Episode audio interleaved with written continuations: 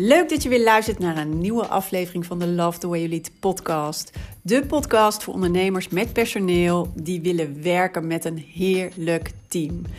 Ben je klaar met trekken en duwen en met alleen maar brandjes blussen en vraag je je af hoe vind ik nou de juiste mensen voor de juiste plek? Hoe zorg ik dat mijn team loopt als geoliede machine? Hoe zorg ik dat ik mensen om me heen heb die me begrijpen en willen gaan voor mijn missie? En hoe zorg ik dat ik weer lekker kan ondernemen en leiderschap voelt als tweede natuur? Mijn naam is Mariska Wiebega en in deze podcast geef ik je de tips en de handvatten om te komen tot jouw beste team. So, let's go! Ja, we zijn er weer. Nieuwe aflevering. Nieuwe podcastaflevering van de Love the Way Lead podcast. En super leuk dat je weer luistert. Nou, ik zit even op de bank met een espressootje. Tijd om deze podcast op te nemen. Het is dinsdag vandaag. En zometeen ga ik door naar de coachcall van de Lead with Impact Club. Normaal heb ik altijd eigenlijk mijn coachcalls uh, van zowel van het Bouw Best Team programma als de Lead with Impact Club. Eén keer per maand is dat.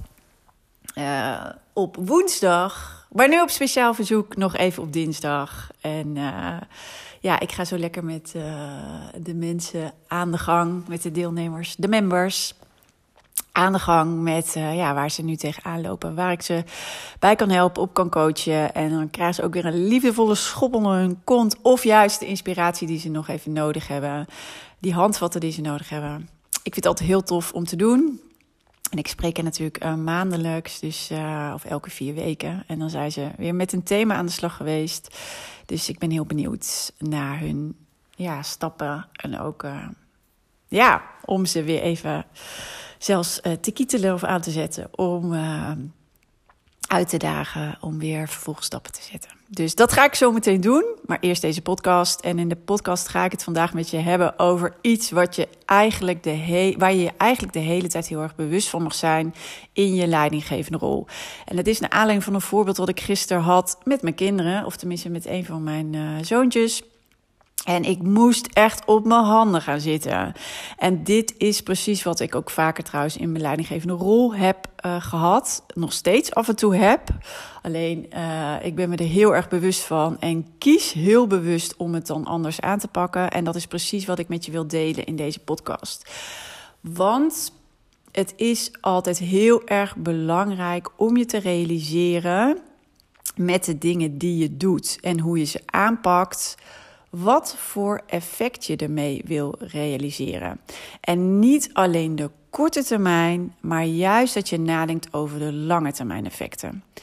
Nou, wat gebeurde er gisteren? Toen was ik. Uh, uh, mijn, mijn jongste zoontje die mag nu voor het eerst een spreekbeurt geven. En heeft dat nog nooit gedaan. Dus hij heeft ook nog nooit.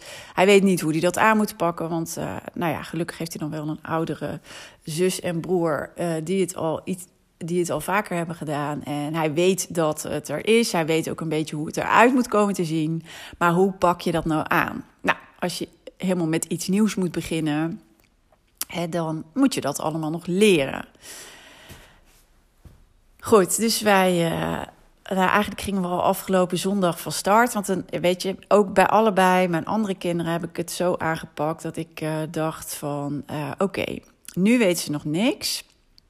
Uh, wat ik heel vaak zie en waar ik ook heel erg de naging toe had, is om dingen voor te doen, het uh, zelf stukjes te maken. Of, hè. Alleen hierbij is dus heel goed om je te realiseren: wat wil ik ze uiteindelijk meegeven? Wat is het effect wat ik uiteindelijk wil bereiken?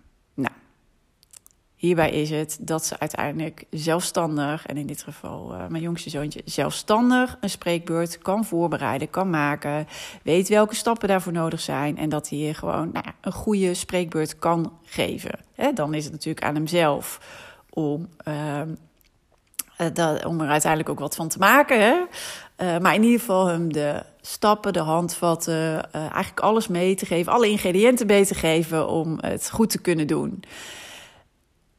Het is mijn taak om hem dat te leren. Alleen, hij zal dus zelf nog dat, uh, ja, zijn eigen leerproces moeten doormaken. Terwijl ik natuurlijk dat al honderden, inmiddels duizenden keren heb gedaan. Zeker omdat ik er inmiddels mijn werk van gemaakt heb om ook regelmatig presentaties te geven, om voor groepen te staan, om masterclasses te geven, online of niet. Weet je, voor mij is het inmiddels. maar ook ik ben ergens begonnen. Dus um, ja, we gingen van start.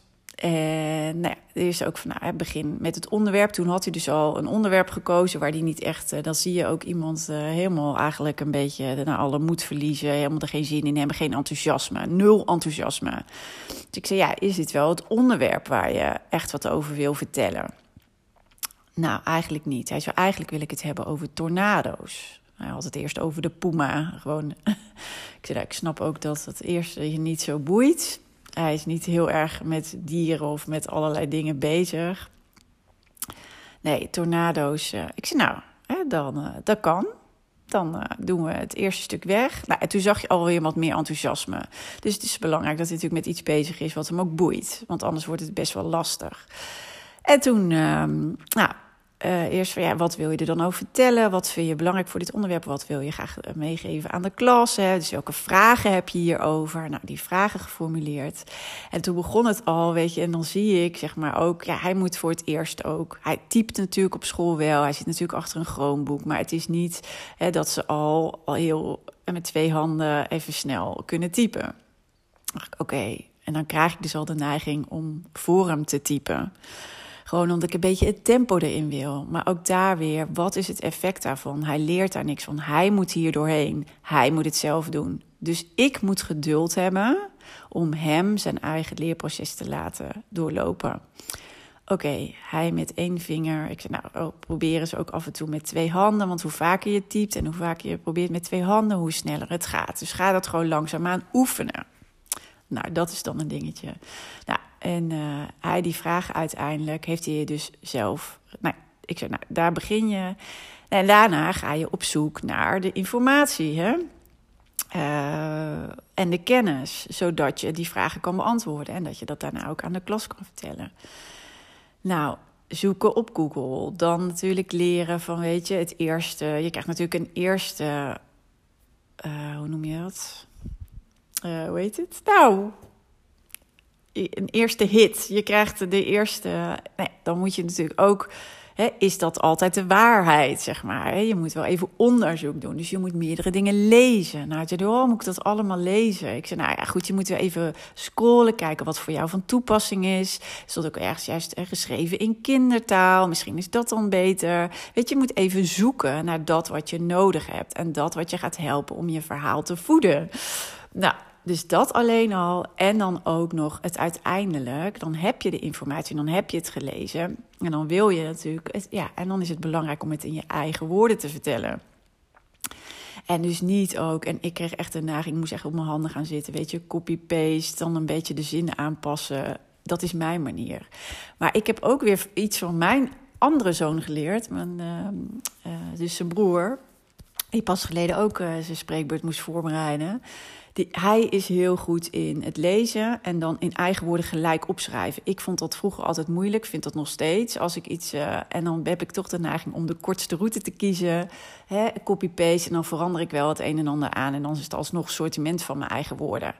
En terwijl mijn andere zoon, die heeft echt zoiets... nee, ik ga helemaal niks copy-pasten... want dan krijg ik dat helemaal niet op papier. En hij doet het ook zo met zijn werkstukken. Het wordt ook heel erg eh, gewaardeerd door school. Hij kan dat dus nu al heel goed in zijn eigen woorden uh, dus, nou ja, ook bij mijn jongste zoontje echt geduld hebben om hemzelf het in zijn eigen woorden te laten typen. En het ging dus heel erg langzaam. Ik moest echt mezelf verbijten om niet die laptop uit zijn handen te pakken en te zeggen: Nou, ik schrijf het wel even voor je op. En misschien vind je dit dus ook wel herkenbaar. En dit is precies wat ik ook met medewerkers heb meegemaakt eerder in mijn leidinggevende rol. Maar wat je dus niet gaat helpen, is die kortste route die je nu het liefst zou willen nemen. He, want je herkent dit waarschijnlijk, mijn verhaal, of iets, een soortgelijk, uh, voor, uh, weet het, soortgelijk voorbeeld wat je zelf hebt meegemaakt. En uh, ja, nou plak dit ook even zeg maar op je team Hoe vaak heb je toch niet al gezegd van, oh nee, dan doe ik het wel even. Of dan neem ik het wel even over. Of uh, hè, um, ik regel dat wel even voor je. Hè, dat is dus hè, die laptop uit handen nemen, zelf typen of even die copy-paste en het op mijn manier doen. Op je handen blijven zitten. Je helpt de ander er niet mee door het over te nemen of het op jouw manier te doen. En welk, en deze is een hele belangrijke, welk effect wil je uiteindelijk behalen? En vorige week had ik het ook met klanten hierover. Toevallig komt het ook twee keer volgens mij naar boven. Ook weer, dit is altijd een hele belangrijke vraag die ik mezelf dus elke keer weer stel. Dat heb ik me op mezelf op een gegeven moment aangeleerd. En dat doe ik nu eigenlijk aan de lopende band. Dus als ik met mijn team aan de slag ben, als ik met medewerkers in gesprek ben, als ik dus iemand iets, um, als iemand zelf uh, iets moet leren, altijd jezelf die vraag stellen: welk effect wil ik bereiken? Welk doel wil ik bereiken? En als dat dus is, net als wat ik gisteren had, uh, nee, ik wil dat hij het zelfstandig kan uiteindelijk. En ik moet er nu even voor en geduld voor hebben en voor op mijn handen gaan zitten. En even hè, uh, mezelf verbijten, omdat ik al weet hoe het eigenlijk zou moeten. Als hem dat verder gaat helpen, als dat uiteindelijk bijdraagt aan het doel, dan heb ik dat te doen. Dus het gaat altijd om het effect, om dat doel wat je wil behalen. Niet om die korte termijn fix. Want daarmee maak je het jezelf uiteindelijk heel erg moeilijk. Dan ben je dus elke keer de Sjaak, zit je elke keer naast iemand. Ben je misschien wel elke keer uh, die presentatie zelf aan het maken. Dat is niet wat je wil. Je wil dat ze het zelfstandig kunnen doen. Je wil dat ze het op de lange termijn altijd, hè, dat ze alle ingrediënten hebben om het zelf te doen. En daarna kunnen ze zelf de keuze maken: ga ik er dan ook wat van maken of niet? Maar dan heb jij ze alles gegeven wat ze nodig hebben. En dat is precies wat er in je team ook nodig is van jou. Dus leer jezelf aan om elke keer jezelf scherp te houden op deze vraag. Welk effect wil ik op de lange termijn te bereiken? Welk doel wil ik op de lange, uh, lange termijn bereiken? En dat is wat je gaat helpen om je team uh, zelfstandiger te maken. Dat is wat jou uiteindelijk de ruimte geeft. En dat is wat je medewerker laat groeien. Daardoor laat je hem of haar uh, die ontwikkelstappen maken. Daarom. En ik weet zeker, dit geeft zo'n enorme boost ook weer voor de medewerker in kwestie. Hiervan worden ze blij, hiervan zijn ze betrokken omdat het echt van hun is. Hierdoor. Um, voelen ze zich echt serieus genomen. En ja, ze groeien letterlijk. Je ziet dat ook aan ze. Dus ontneem ze dat niet. Ook dat nog eens.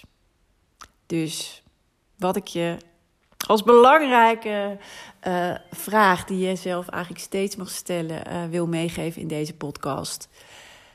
Blijf uh, hier dagelijks scherp op bij alles wat je doet met je team, met je medewerkers. Welk effect wil ik uiteindelijk op de lange termijn bereiken? Welk doel wil ik op de lange termijn bereiken? Oké, en handel daarnaar. Dat is wat je, ja, wat jou verder helpt, maar ook wat je medewerkers verder helpt. Oké, dat is wat ik met je wilde delen vandaag. Nou, laat me even weten of het waardevol voor je was. Uh, en neem deze gewoon mee. Dit is gewoon een non-negotiable, gewoon meenemen. En dit gaat je namelijk heel erg veel opleveren. Dus vanaf vandaag heel erg scherp hierop zijn. En uh, nou ja, mocht het waardevol voor je zijn en je er mooie resultaten mee halen, uh, laat me weten wat voor ervaringen je ermee hebt en wat het je oplevert. Want dat vind ik heel leuk om te horen. Dus uh, ja, stuur even een berichtje via LinkedIn of Instagram. Kan natuurlijk ook. Purple Leiderschap. Ik hoor graag van je. En deel deze aflevering ook als het voor iemand anders interessant kan zijn. Dus uh, ja, heel erg fijn als je hem wil delen. Goed, en verder. In juni komt eraan de nieuwe masterclass. De twee uur durende masterclass waarbij ik echt je ga helpen om die basis onder je team... Um, ja, hoe noem je dat? Uh, dat je weet welke stap je moet nemen om die basis onder je team helemaal goed te leggen. We gaan gelijk in de actiestand. Ik ga, niet, um, uh, ik ga je er helemaal mee doorheen nemen, waardoor je precies weet na die masterclass wat je moet doen en het ook gelijk in je team kan implementeren. Dus um, nieuwe masterclass, maar super waardevol omdat ik uh, ja, gelijk met je aan de slag ga en er daadwerkelijk daarna wat gaat veranderen in je team in positieve zin. Dus wil je er nog bij zijn? Er zijn slechts 12 plekken beschikbaar. Uh, ja, kijk even op mijn website bij masterclass purpleleiderschapsontwikkeling.nl en dan zie je bovenin masterclass en dan kan je hem boeken. En dan hoop ik je natuurlijk 1 juni te zien en dan gaan we lekker aan de slag. Let's go. Nog meer mooie teams, nog meer vrijheid en rust voor jou als ondernemer. Uh, ik heb er zin in om met je aan de slag te gaan. Oké, wens je nog een hele fijne dag en natuurlijk tot morgen.